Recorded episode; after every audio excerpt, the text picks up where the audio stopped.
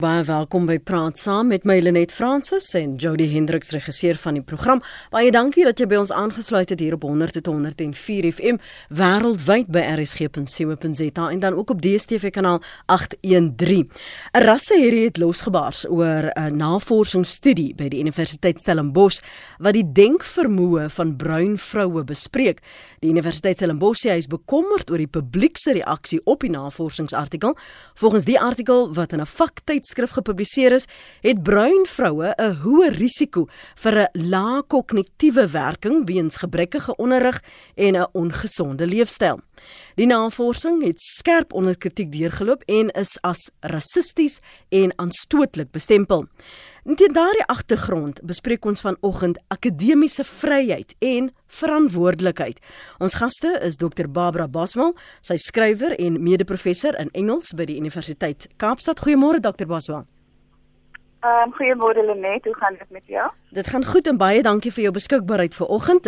Dr Boswell verstaan Afrikaans, maar sy gaan meerendeels in Engels haarself uitdruk.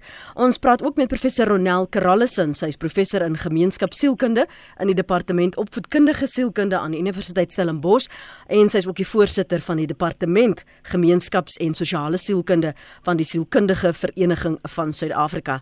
Altyd 'n mond vol. Goeiemôre professor Karallison. Goeiemôre Lenet. Baie goed om weer saam met julle te wees. Selm. As ook Dr. Julian Son, hy's 'n akademikus en transformasiekonsultant. Goeiemôre Dr. Son. Welkom. Goeiemôre Lenet. Goeiemôre Ronel. Goeiemôre. Môre. Môre Barbara. Môre Barbara. Barbara, kom ons begin by jou. Volgens die artikel, ehm um, ons het die agtergrond juis in in klaar geskets. Waarom het jy so sterk gevoel dat dit nie daar gelaat kan word nie en waarom het jy en jou kollegas letterlik 'n beweging begin om kapsie aan te teken en bewusheid daaroor te skep? Um, well, you know, when I read the article, I immediately saw some very problematic um, generalizations and stereotyping. Um, and I also had an issue with the way in which colored was being defined, just really unproblematically. Um, and it was also offensive. So, as someone who is part of that population group, um, I thought, wow, this is uh, this is problematic. The other thing was the sample size. It was such a small sample size of 60 women, and how they could generalize it to colored women in South Africa. You know, it immediately screamed at me that this was bad research that was creating, perpetuating some very damaging stereotypes of colored women. Jou uh, eerste reaksie professor Karallison? Ehm um, dankie uh, Lenet kyk uh, ek was baie geskok. Ehm um, ek het gedink dat uh, jy weet dit is vernederend. Ehm um, ek het gedink dat 'n mens regtig nie die idee van ras as 'n as 'n variable, nee, 'n onveranderlike uh, binne die konteks van 'n studie kan gebruik nie. Maar die een ding wat ek die meeste wat my die meeste ehm um, ontstel het was dat ons dit navorsing kan noem en nie dink oor wat die implikasies vir mense gaan wees nie. Jy weet ons moet ons nou sê in ons navorsing do no harm. Mm en ek kan regtig nie dat na soos ek na studente veral na geluister het, is daar baie studente wat verskriklik veral ehm um, uh vernederd voel en wat voel dat hulle eintlik sielkundige ondersteuning nodig het. Ek wil jou reaksie hier betrek Dr. Son, jou opsomming. Ek stem 100% saam met Barbara en Ronel en ek beskou dit ook as 'n onsensitiewe vernederende stukkie werk. Maar as eintlik ek stem saam met Jonathan Jansen, is eintlik nonsens. Dit is 'n baie swak studie. En dit is 'n studie wat gebaseer is op konsepte soos mixed race. Dit maak dan die aanname dat daar iets is soos ras wat 'n mite is en dit maak ook die aanname dat daar iets is soos suiwer ras of dan gemengde ras. Al twee daai is mites en al twee daai mites was deel van die ideologie van wit manlike meerderwaardigheid, 'n ideologie wat ongelukkig nog baie sterk by die Universiteit van Stellenbosch onderliggend is En so daai ideologie borrel soms op en ek sien die studie en die gebruik veral van die terme is 'n opborreling van daai ideologie. En ek dink dis onverantwoordelik van die van die universiteit om nie daai ideologie aan te spreek nie. Ek is bewus van die feit dat die dat die universiteit soms pogings aanwend om daai bepaalde uh, ideologie nog steeds diegene wat dit uh, openbaar, dit nog steeds daai persone sisteme te onderdruk. So ek sien dit ook in die konteks van die opname van fasisme in die wêreld. En men sien natuurlik die opname van fasisme in Suid-Afrika ook. En ek dink die studie moet in daai lig gesien word. Jy professor Karalus en Barbara verwys na of mense dit enigstens navorsing kan noem. Sekerlik is daar stappe um wat in plek moet wees om selfs 'n voorlegging te maak om te sê dit is waarop ek wil fokus. Um verduidelik vir ons waarom jy so sterk hierdie voorlegging selfs in die goedkeuring van so 'n studie bevraagteken het Barbara.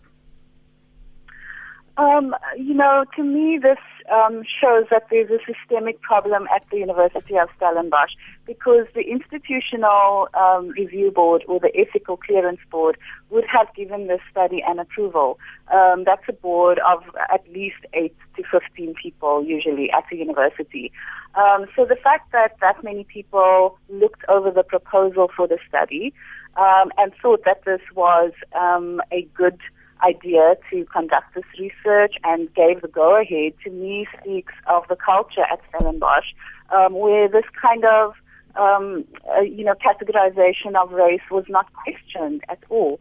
And um, I, I think that is really problematic that the institution needs to really look and review how that study was given approval. Unless the researchers submitted something else and then changed the research afterwards, that could be a possibility also. Um, but really, the institution is responsible for this. They cannot say, as they have in a statement, that the research of individuals um, does not reflect the institution. It does reflect the institution, and um, they should take responsibility as a university for this study coming out under their name. Ek gaan terugkeer na jou punt oor die verantwoordelikheid wat geneem moet word. Jy het net nou gesê professor Karalison dat baie van die studente er sien jy nou ervaar dit as ehm um, skadelik as vernederend. Ehm um, vir die wat dit dalk nog nie gelees het nie. Ehm um, die wyse waarop bruin vroue spesifiek dan nou gestereotipeer word. Um, gee vir ons net 'n lig vir hulle in wat hierdie hierdie navorsingsstuk spesifiek daarna verwys. Ehm um, kyk dit praat van as mens kyk na uh, veranderlike nê, ehm um, dan is dit 'n fixed variable. En en wat hulle dan sê is dat die feit dat jy lyk soos miskien ek of 'n uh, uh, Dr. Boswell beteken dit dat jy uh, 'n uh, risiko het, jy het 'n risiko het tot uh, low cognitive um, functioning. Um, En um, ons weet mos dit is nie so nie. Daar is mos um, dan en dan is daar 'n heel klomp um, uh, kwessies oor die metodologie. Um, is 'n baie baie ek dink uh, Dr. Boswell het dit al gesê. Ja. En ek wil net iets sê oor die et, oor etiese komitees. Ek dink Stellenbosch en alle universiteite het etiese komitees. En ons weet dat studies die groot studie by etiese komitees dien. En ek moet sê ek het self ek was die voorsitter van die van die Humanoria ehm um, komitee etiese komitee van 2015 tot 2017 en self op gedien. En ek weet hoe scrutinize ons navorsings uh, proposals. Ek dink navorsers is baie keer baie kwaad omdat dit teruggestuur word en teruggestuur word. Mm. So die studies word ehm um, word uh, goedgekeur maar die 2.5 tot 3000 artikels wat ons as navorsers partykeers by 'n universiteit so Stellenbosch en UCT en so publiseer dit word nie goedgekeur nie so ek dink die verantwoordelikheid lê by die universiteit maar dit lê ook by navorsers to do no harm Sandra, goeiemôre. Lenet, môre. Jong, ek is ek ek moet sê dit is aan die een kant jy is geskok aan die ander kant dit is dit is 'n totale grap. Ek meen ek was self by Stellenbosch en ek verstaan absoluut nie hoe jy van so 'n klein sampel ehm um, tot hierdie tipe uh um research jy hoe jy dit kon doen en en hoe jy wragtig waar die die die resultate kan rig, jy weet, op daai klein sampeltjie. Uh dit maak vir my glad nie sin nie. Dit dit dit die hele storie herinner vir my aan apartheid en 'n koloniale apartheid eintlik. En ons kan dit nie in verdagte tyd toelaat nie. Dankie Sandra. Dankie vir jou mening en dan praat ons met Sanet. Uh, Sy's in Parow. Môre Sanet. Goeiemôre, baie dankie vir die geleentheid. Ek dink dat um, ons het 'n vryheid om natuurlik van um, in, in die akademie, maar daarmee kom daar ook verantwoording. En um, soos ek luister na die vorige spreker wat sê dit was klein um, klein groepie wat daarop gestudeer was, So ons wil nie diskrimineer gebaseer op slegs daai klein groepie en vir algemeen nie, want hoe gaan ons dan nou een nasie bou?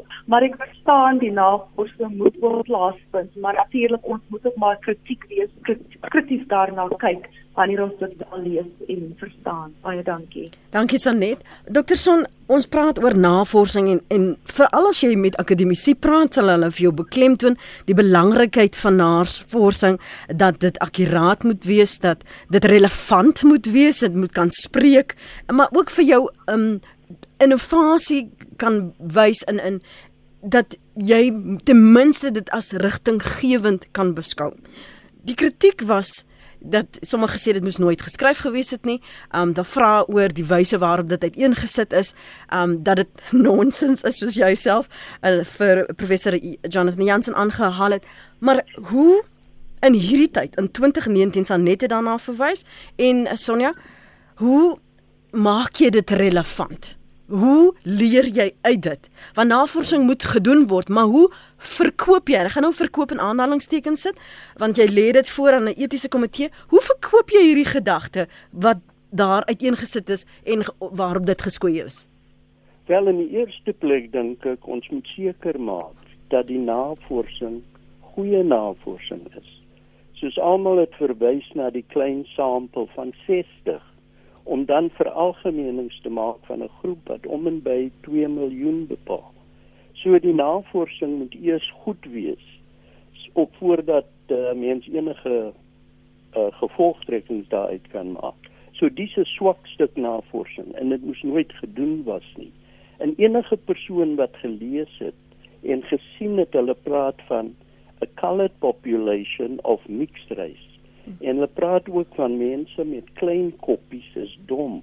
Al daai is ou navorsing wat al jare gelede omver gewerp is.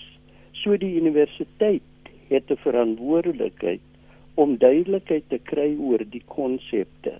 Die hele konsep colored is 'n politieke uh, konsep. Uh, is nie 'n wetenskaplike konsep nie. En is 'n konsep wat geskep was deur rassiste met so 'n mentaliteit word weerspieël in daai konsep. En hulle het die geloof gehad dat daar so iets is so suiwer mense en hulle het hulle self natuurlik as suiwer beskou. En daai mentaliteit is nog steeds deel van die denke by Stellenbosch. En daar moet 'n deurgrondige gesprek wees oor daai mentaliteit en oor die gebruik van die konsepte soos mixed race. Net die gebruik van rys byvoorbeeld. Ek dink nie daar's plek daarvoor in uh, noemenswaardige navorsing nie. En die hele ding van wit, wat beteken dit? Almal loop nog rond en hulle beskou hulle self as wit, as blankes. Wat beteken dit? Dis 'n rassistiese konsep, dis 'n rassistiese etiket. So ek dink die universiteit het 'n verantwoordelikheid om onmiddellik te begin praat oor die konsepte wat ons gebruik en wat ons dan selfs in navorsing gebruik. En die konsepte het geen uh, wetenskaplike regverdiging nie. Dr. Boswell, dalk wil jy reageer op uh, professor Karalison en uh, Dr. Shaun? Um, yeah, extreme. Um, oh, sorry. Um, I agree with him completely. Um, you know, I think um, the, the points that they raise are just are, are quite valid. Um, I think it goes um, much deeper to a kind of a cultural um, way of thinking, and and really that individuals and the collective need to um, need to really think about how they approach these research questions. Mm. Um, I also want to talk about relevance. You know, mm. in our research studies, every researcher has to answer the question: um, What contribution does this research make to the participants and to society? and um, uh, um, I, I, cannot see, you know, in this study what the contribution is supposed to be. The, they say, oh well, there should be interventions, but they don't um, actually list what the intervention should be. It's a very vague description mm. of, oh, interventions are needed. Um, you know, and, and, and also just the tone deafness. Um, it makes me think, um, how do these people then react with, with their colleagues and their students? Um, if you could not foresee that this would cause such an outcry, um, how are these people interacting with, with, with people of other races at the university, in the workplace, and in their lives? Um, these are all questions that, to me, um, speak to relevance. Um, mm-hmm. If you are in, in a very sort of isolated kind of setup and there's no diversity, then you won't see anything wrong with your question. Um, but if you are in a diverse um, culture where there's a lot of interaction with with people who are different, you know, in many ways, not only racially different, um, then there should be some sort of um, sensitivity around how will this be received. The other thing that also I was thinking about is uh, as ethical researchers, when you do human subjects research, you are supposed to go back to those populations and actually give them your findings and say this is what our study found. And I wonder if that has happened and how the respondents, the 60 women who were part of this sample, um, how they reacted to the researchers going back to them and saying, oh, we found that you are at high risk of low cognitive functioning and it's just going to get worse for you with age. Um, I wonder if that happened, if there was any thought given. I also question what the ethics of the interaction with the sample group was. Professor Karalison, jy het net nou gesê dat jy selfs op so 'n etiese komitee gedien het. Barbara het gepraat um voor die breek het uh, dokter Baswel gesê dat die relevantie van studies moet wys hoe baat dit die samelewing. Wat is die soort vrae, die checks and balances wat so 'n komitee moes gevra het en dalk gefaal het in hulle plig? Kyk, um, ek, ek kan jou nou sê dat baie akademici so kwaad word oor al die honderde vrae wat gevra word. Maar ek dink wat miskien baie belangrik is vir hierdie studie, en ek gaan nou hier kommentaar as sielkundige as kliniese sielkundige ook. Ja. Want metingsinstrumente soos die Montreal was histories die hoeksteen van science, né? Ehm um, hulle mense wetenskaplik as minder as verklaar. En daarom is die storie een van die stories wat in etiese komitees opkom want almal praat van die ras en al daai en die sample, maar ek dink ons moet hier kyk na die instrumente ook as so 'n instrument bloot ge, ge, as so 'n instrument in 'n in die etiese komitee kom, dan vra ons, ehm um, uh, is is die studie culture fair? Ehm um, is dit en ehm um, as mense sê ja, dan ehm um, dan moet hulle gaan kyk na die literatuur en alles dit. So dit is die soort kwessies wat 'n mens vra. Maar nou wat vir my nogal bekommer en ek dink daar moet 'n uh, 'n uh, 'n uh, uh, ondersoek wees wat eintlik gebeur het in die etiese komitee want ek is verbaas om te sien wat uh, dat hier gebeur het en wat die navorsers ook gedink het want hierdie Montreal instrument ehm um, is in Kanada ontwerp en ek dink dis die kwessies wat mense oor kwaad word veral as mense praat van dekolonisering decolonization want hierdie instrument is in Kanada ontwerp en 'n mens kan nie so 'n instrument sommer net so sonder om dit te standaardiseer vir 'n Suid-Afrikaans vir Suid-Afrikaanse groepe of Suid-Afrikaanse mense. Jy, jy kan dit nie sommer net so toepas nie. En wat vir my verbaas is dat daar navorsing is wat recommendations maak oor hoe hierdie instrument moet gebruik word binne is binne daai kontekste waar hierdie navorsing gewerk het. So daai is die soort vrae wat 'n mens moet vra. Ehm um, en wat ons wel vra binne die kontekste van ehm um, van die etiese komitee. Wat gaan jy doen to do no harm? Sê wat gaan jy doen? Ehm um, en ek dink alle etiese komitees by alle universiteite ehm um, in hierdie land en wêreldwyd vra hierdie vraag wat doen jy to do no harm? Um did you get informed consent? En ek dink hierdie is belangrike kwessies. Um uh, uh byvoorbeeld uh het het ja, het mense vir jou toestemming gegee en sovoorts en so daar's 'n hele klomp kwessies wat mense na kyk. Maar ek dink wat baie belangrik is in hierdie studies soos ek nou net gesê het, is die kwessie van toetse en instrumente wat gebruik word ook. Mm -hmm. Kom ons hoor gou wat sê ons luisteraars en dan praat ons verder met ons drie gaste. Nicolas, kom ek hoor wat sê jy môre? Dankie. Praat gerus. Sê Chris. Nicolas, as jy. O, Nicolas. Okay, sorry. Gaan voort. Ja, ek is Chris nou. Ek sê, ekskuus Chris. Jammer. Kan jy maar praat? Ja, gaan gerus. Ek wil nie betrokke raak. Ek wil nou nie betrokke raak aan die genetiese aspek nie, want ek dink jou gas wat nou net gepraat het is emosioneel onstabiel wanneer dit kom by by by die geneer by uh, die etniese tyd.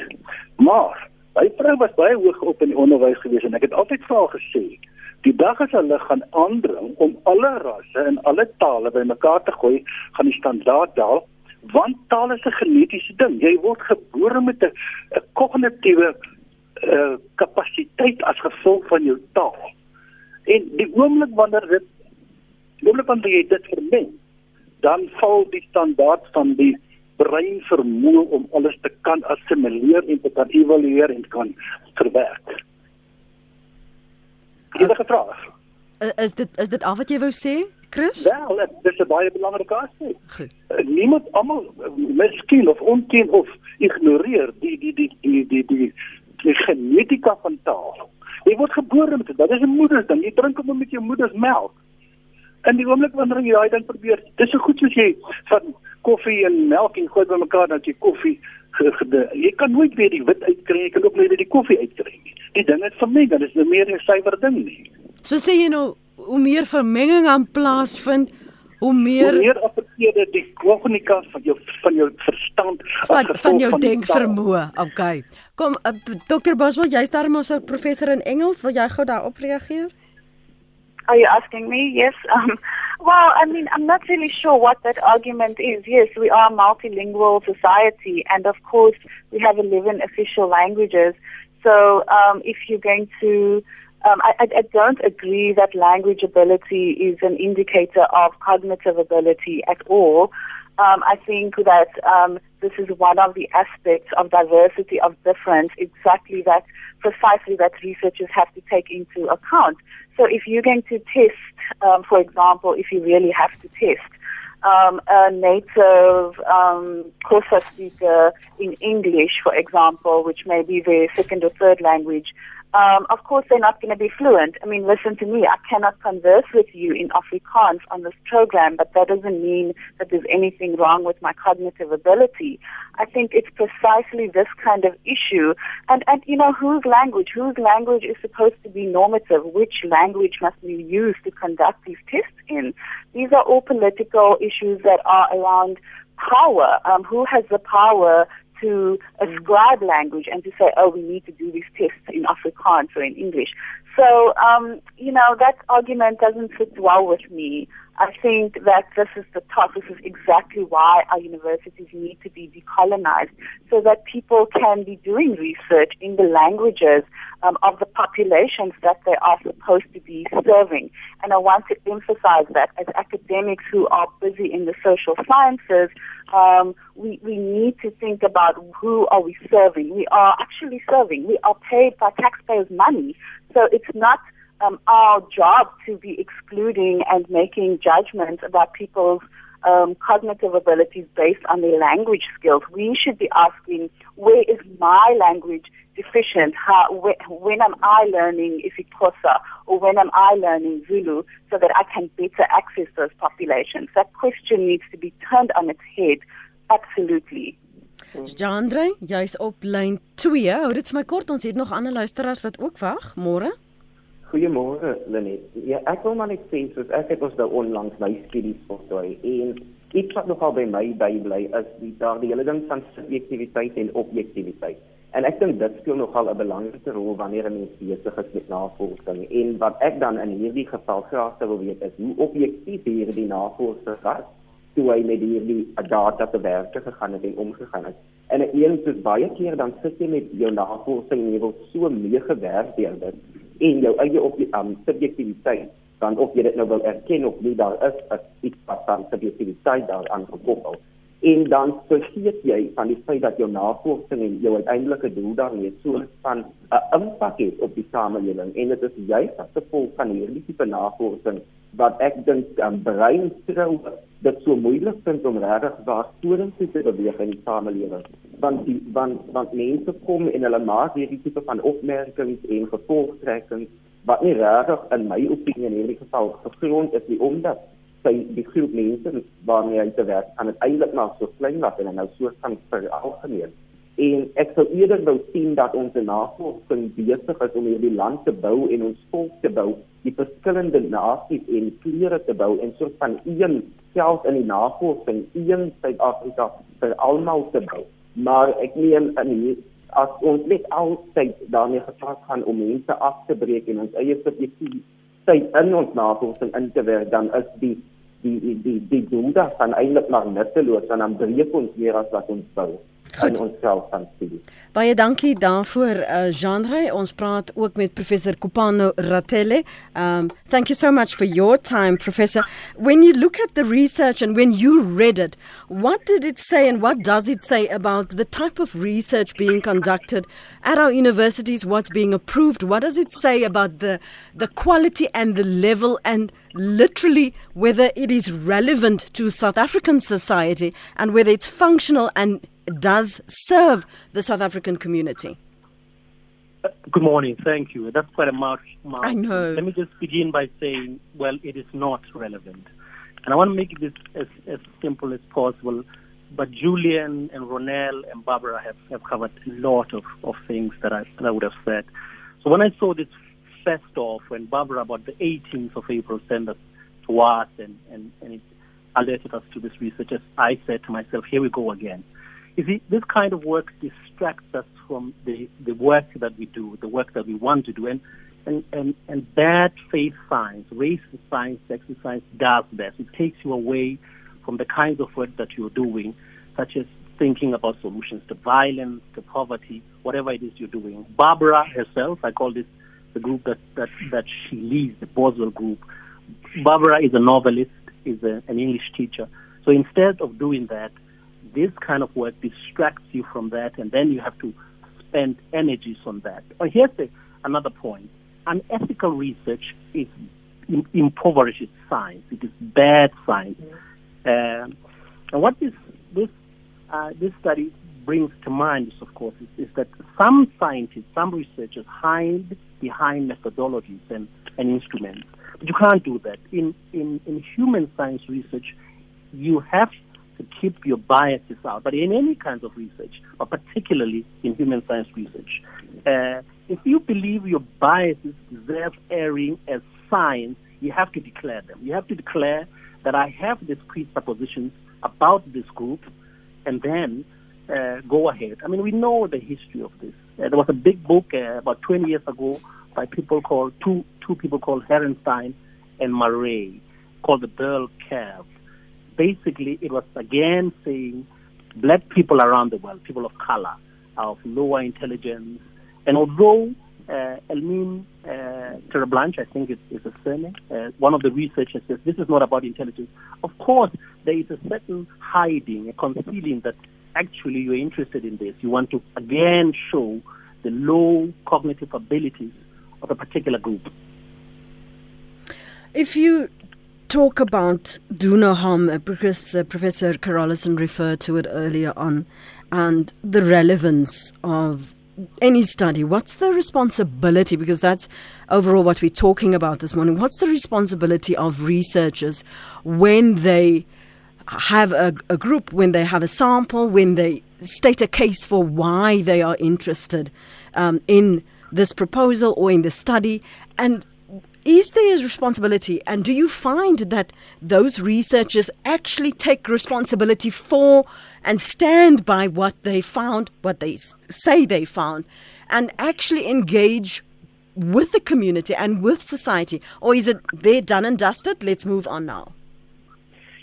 Wonderful question. I mean, if they, if these scholars, if these researchers felt responsible, they would have come out every time the media calls them, come on and, and defend your work. They would have done that. Now, academics and researchers, the universities have immense power. They have the power to teach. They have authority because of this title of scientists of researchers.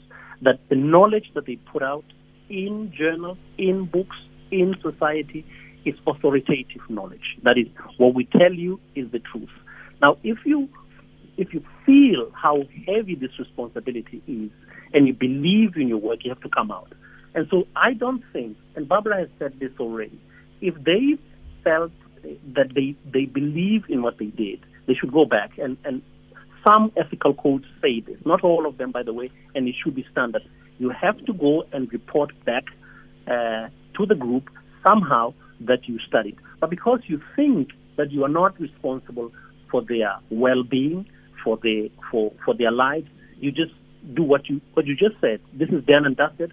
I will I, I've gotten a, a piece of work for my university. I will get some money, subsidies called subsidy from the Department of Higher Education, and I will get promotion or I will get all these rewards of traveling. That is irresponsible work. It's bad faith work.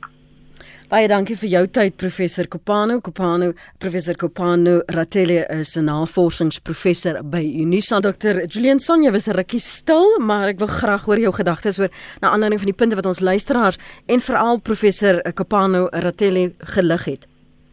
Ja, net in opsig van die relevantie en ook die verantwoordelikheid van die universiteit. Ek dink ons is besig met die hele moeilike en uitdagende proses van nasiebou.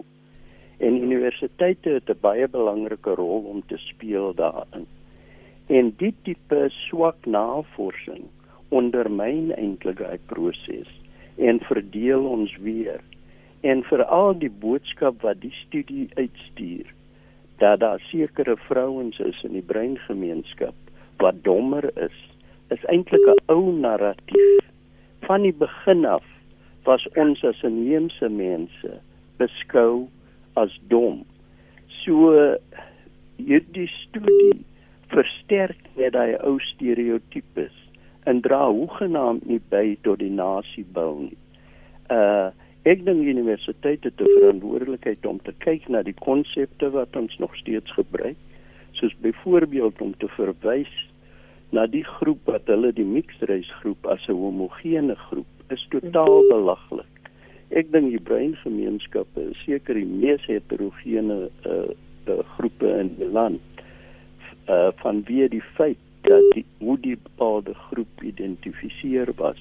Maar ons moet ook kyk na die gehalteversekering en die kwaliteitsbestuur van die studies wat gedoen word. Is opvallend dat daar 'n leemte is en 'n swakheid daarin is wat ongelukkig die tipe negatiewe konsekwensies het.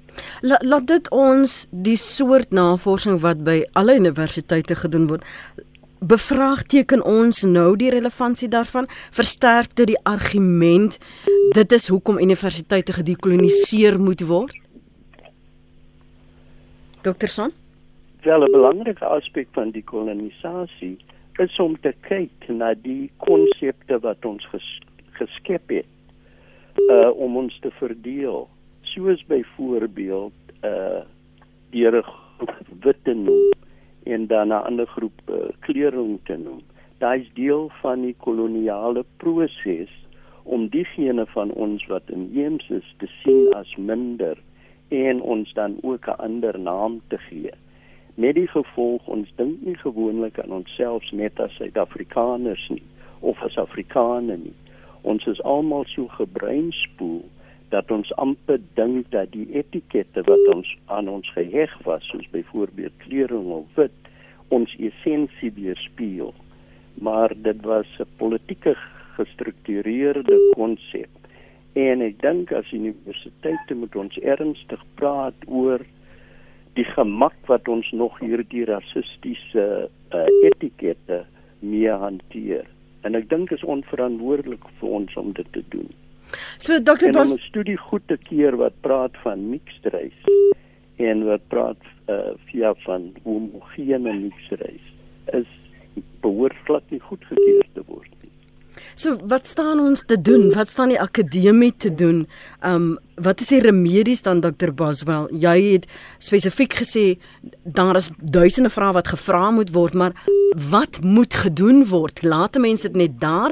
Wat is die verantwoordelikheid van 'n universiteit van uh van 'n etiese komitee in hierdie geval wat dit goedgekeur het en die befondsing wat dit ook gekry het um van die befondsingsraad? Wat moet nou nou gebeur? Ehm um, wel dit ek ek dink ehm um, die universiteit moet self um, besluit hoe hulle probleem gaan tackle. Um I think you know they they they need to first of all take responsibility. Um they're just they haven't responded adequately. As academics, we have written a letter asking for the academic systemic problem. Um, this is why it is so important that we transform the academy. And, um, you know, I think they need to look at the, that ethical clearance um, practices, what happened. I think they need to just audit um, how they are coming to research and looking at the questions that they are asking. And it's not only Stellenbosch University. I mean, unfortunately for them, this issue just came out of. But, but I think um, many universities are, are doing this kind of stuff. And, and really, um, we need to take transformation seriously because otherwise it's excluding of people of color, of black and people um, generally, um, it, it, and, and this kind of thing will keep happening. It's important also then to diversify staff um, at institutions. This problem needs to be tackled from many layers, many levels. If you have a diverse faculty, um, a, a diverse staff body, um, this kind of thing is less likely to pass. So they really need to think about how they frame their research questions, um, who's sitting on committees, and who are they employing and who are they training. I mean, I wouldn't go to that department as a so colored woman um, to study there. So how are they going to diversify their students and how are they mentoring um, black scholars into their ranks of the professoriate? Jou um antwoord op op daardie vraag oor hoe hoe en wat moet dan volgende gebeur professor Karallison gegee al die argumente wat ons vanmôre na geluister het. Ja. Kyk, daar's 'n hele paar dinge. Ons is nou 25 jaar um, in die in die nuwe dop Suid-Afrika in. En wat dit vir ons sê, ek dink ons kan baie hieruit leer, is dat ons nou gefokus het en ek dink dis reg om te fokus op uh, redress dat almal meer 'n kans kan kry uh, of jy wit of swart of jy swart die mense wat nie in die verlede ehm um, 'n toegang tot universiteite gehad het die personeel en uh, studente dit was reg om na die demografie te kyk maar soos ek en Rob Patman in ons boek wat aan die begin van die jaar ehm um, uh, uh, uitge, um, uh, uitgelewer was was released um, die boek se naam is Transforming Transformation in research and teaching in South African universities. Ons het werk gedoen oor 9 universiteite en bydraes van 9 universiteite gehad. Ons kernargument in daai boek is dat ons moet begin kyk hoe mense op 'n alledaagse basis met mekaar oor die weg kom, hoe ons mense respekteer, nie net as individue nie, maar hoe ons mense wat anders is van ons een as een dieselfde is. En dit is ras, gender, ehm um, uh uh seksuele seksuele oriëntering, hoe mense verskeie forme van ehm um, uh van difference, hoe ons met daai mense op 'n daaglikse basis oor die weg kom en hoe ons hulle hulle geskiedenis um en kulture respekteer. En ek dink so respek is nie en ek sê dit baie keer. Respek is nie net ek en jy as 'n individu Re individu nie. Respek is hoe ek dink oor jou in terme van jou geskiedenis en jou kultuur. En ek dink was so dit is een ding. Die ander ding is ons moet almal die soort gebeure waaroor almal terugstaan wat 'n universiteit stop is iets wat ons 'n geleentheid gee om diep te dink oor wat ons as universiteite doen in terme van die van 'n bevordering van 'n transformasieprojek. Ehm um, ehm um, en dat hoe ons as universiteit daarop re reflekteer wat ons moet doen.